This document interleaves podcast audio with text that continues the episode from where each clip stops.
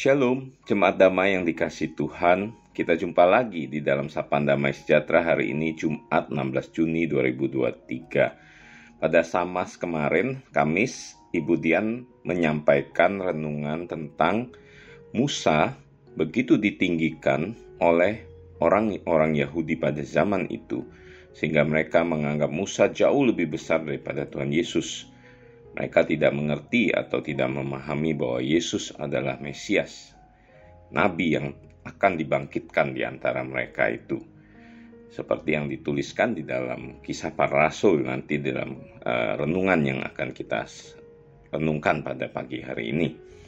Saudara, kalau uh, kemarin Musa begitu ditinggikan pada sama hari ini, kita akan merenungkan sebuah tema menolak orang pilihan Allah. Nats firman Tuhan terambil dalam kisah para rasul 7 ayat 35 hingga yang ke-43. Saya akan bacakan hanyalah ayat yang ke-35 saja.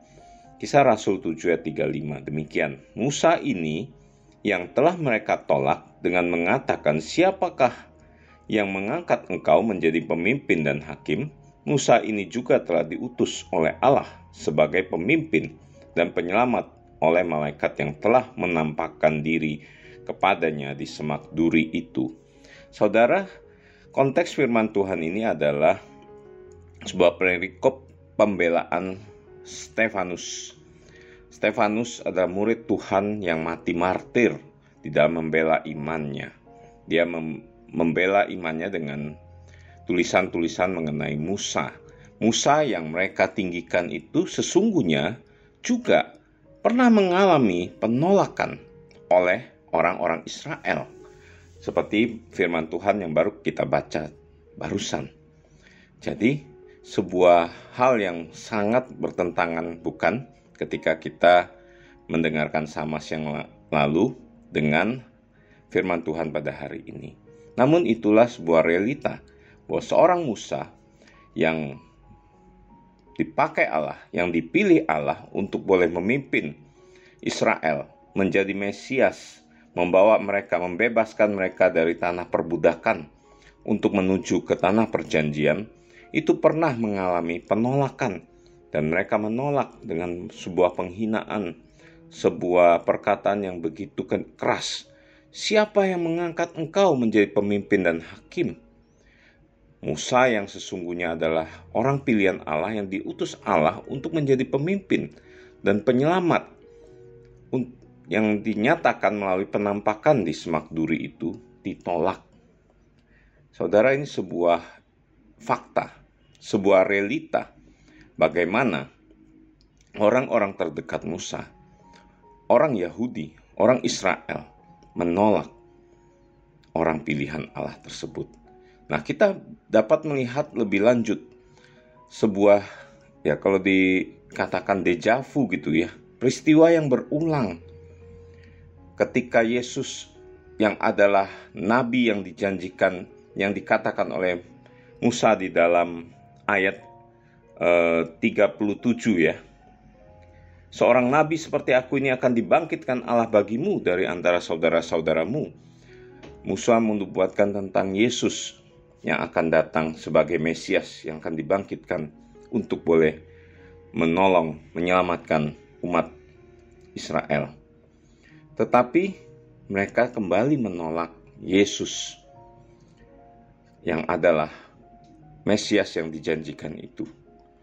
Saudara, ketika kita merenungkan dua peristiwa ini, ada dua pihak, pihak yang ditolak dan pihak yang menolak. Orang-orang pilihan Allah adalah pihak yang tertolak, direndahkan, dihina, tidak diterima. Orang-orang dekatnya lah adalah orang-orang yang menolak orang-orang pilihan ini. Peristiwa ini berulang dan kembali berulang ketika Stefanus dalam konteks ini dia sedang membela imannya, membela Yesus yang adalah Mesias itu dengan mengambil uh, nats tentang Musa yang juga pernah mereka tolak. Seorang pilihan Allah, Stefanus, murid pertama yang akhirnya dihukum mati. ditindas, dibunuh oleh karena imannya kepada Yesus Kristus. Itulah sebuah fakta realitas sejarah dan kita dapat melihat saudara bagaimana para murid-murid yang lain pun ditolak, dihina, dilawan oleh orang-orang Yahudi sendiri. Mereka tidak dapat menerima pengajaran pembelaan iman mereka oleh karena kebebalan hati umat Israel pada saat itu seperti yang dikatakan kembali oleh Stefanus di dalam ayat 51 ya saya akan bacakan. Hai orang-orang keras kepala dan yang tidak bersunat hati dan telinga. Kamu selalu menentang roh kudus sama seperti nenek moyangmu. Demikian juga kamu.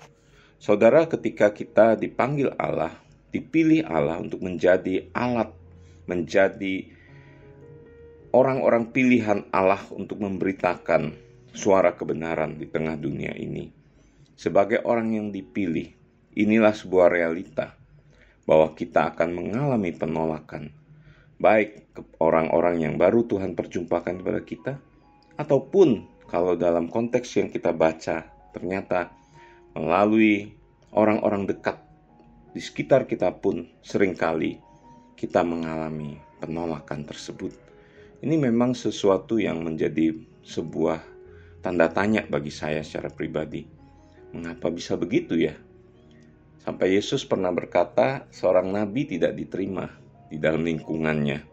Sesuatu yang saya waktu itu mendengar aneh gitu ya. Tapi setelah mempelajari firman Tuhan, oh inilah realita. Tidaklah mudah untuk boleh menjadi orang-orang pilihan Allah yang dipakai Allah di tengah-tengah situasi dan konteks zamannya. Tetapi Prinsip firman Tuhan yang kita pelajari pada hari ini, ketika kita dipilih Allah, tidaklah menjadi kita gentar atau goyang untuk tidak menyuarakan suara kebenaran yang telah Allah titipkan taruh di dalam hati kita, bibir mulut kita untuk kita sampaikan pada mereka yang tadinya menolak. Bahkan Allah dengan kuasanya dapat memakai bibir mulut kita untuk mengubahkan orang tersebut Bukankah Musa juga tadinya ditolak, akhirnya dia boleh menjadi pemimpin yang menyelamatkan umat Israel? Bukankah Yesus yang ditolak oleh orang Yahudi, orang Israel saat itu juga akhirnya diterima bahwa bahkan lebih jauh oleh orang-orang bukan Yahudi. Dia menyelamatkan semua bangsa di muka bumi ini. Demikian juga para murid-murid, bapak-bapak gereja, para hamba-hamba Tuhan yang pernah hadir di dalam sejarah kekristenan di muka bumi ini. Mereka ditolak, tetapi sesungguhnya Tuhan memakai mereka menjadi alat di tangannya. Maukah saudara, sebagai orang-orang pilihan, engkau tetap berdiri kokoh, berdiri teguh, apa pun situasi Anda saat ini. Percayalah bahwa engkau orang pilihan, engkau mengalami penolakan, tetapi Tuhan akan memakai engkau menjadi alat di tangannya. Bagi engkau yang menolak orang pilihan pada saat ini, bertobatlah, percayalah kepada Yesus Kristus, sandarkanlah imanmu kepada Dia yang adalah Tuhan dan Juru Selamat bagi dunia ini. Terima kasih Tuhan, kami bersyukur untuk firman-Mu di pagi hari ini. Kami adalah orang-orang yang Tuhan pilih menjadi alat di tangan Tuhan. Biarlah kami berdiri teguh kokoh untuk boleh menjadi pemberita-pemberita kebenaran, suara kebenaran, kabar baik itu bagi dunia ini. Kuatkan dan teguhkan kami. Kami berdoa bagi mereka yang mendengarkan firman-Mu, kiranya firman-Mu berbicara, mengubahkan mereka untuk boleh menjadi orang-orang yang dipakai Tuhan juga, lebih heran dan lebih ajaib.